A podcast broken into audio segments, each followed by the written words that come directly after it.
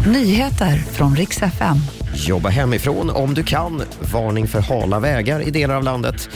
Och så ska två favoriter bland svenska artister släppa en låt tillsammans. Morgon. Först en varning till dig som ska ut med bilen nu på morgonen. Det kan vara riktigt halt, framförallt i de mellersta delarna av landet där både ljummet och underkylt regn har lagt sig på kalla vägar. SMHI har utfärdat en gul varning för plötslig ishalka i ett stort område i Svealand och sydöstra Norrland. Om man kan jobba hemifrån så borde man göra det, säger Emma Rosengren som är meteorolog på SMHI så ska det handla om det SAS-plan som fick utrymmas på Arlanda flygplats igår kväll efter att ett misstänkt farligt föremål hittats ombord. Planet skulle till Köpenhamn och det var under ombordstigningen som någon slog larm om det här föremålet som knappt två timmar senare kunde konstateras vara ofarligt. Polisen utreder nu det som kallas för flygplatssabotage. Ingen person har gripits.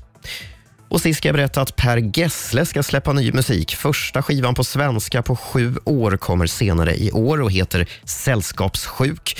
De flesta av låtarna på plattan är duetter och den första kommer faktiskt redan på fredag för då släpps nämligen låten Beredd som Per Gessle gör tillsammans med Molly Hammar. Och det var de senaste nyheterna. Jag heter Robin Kalmegård.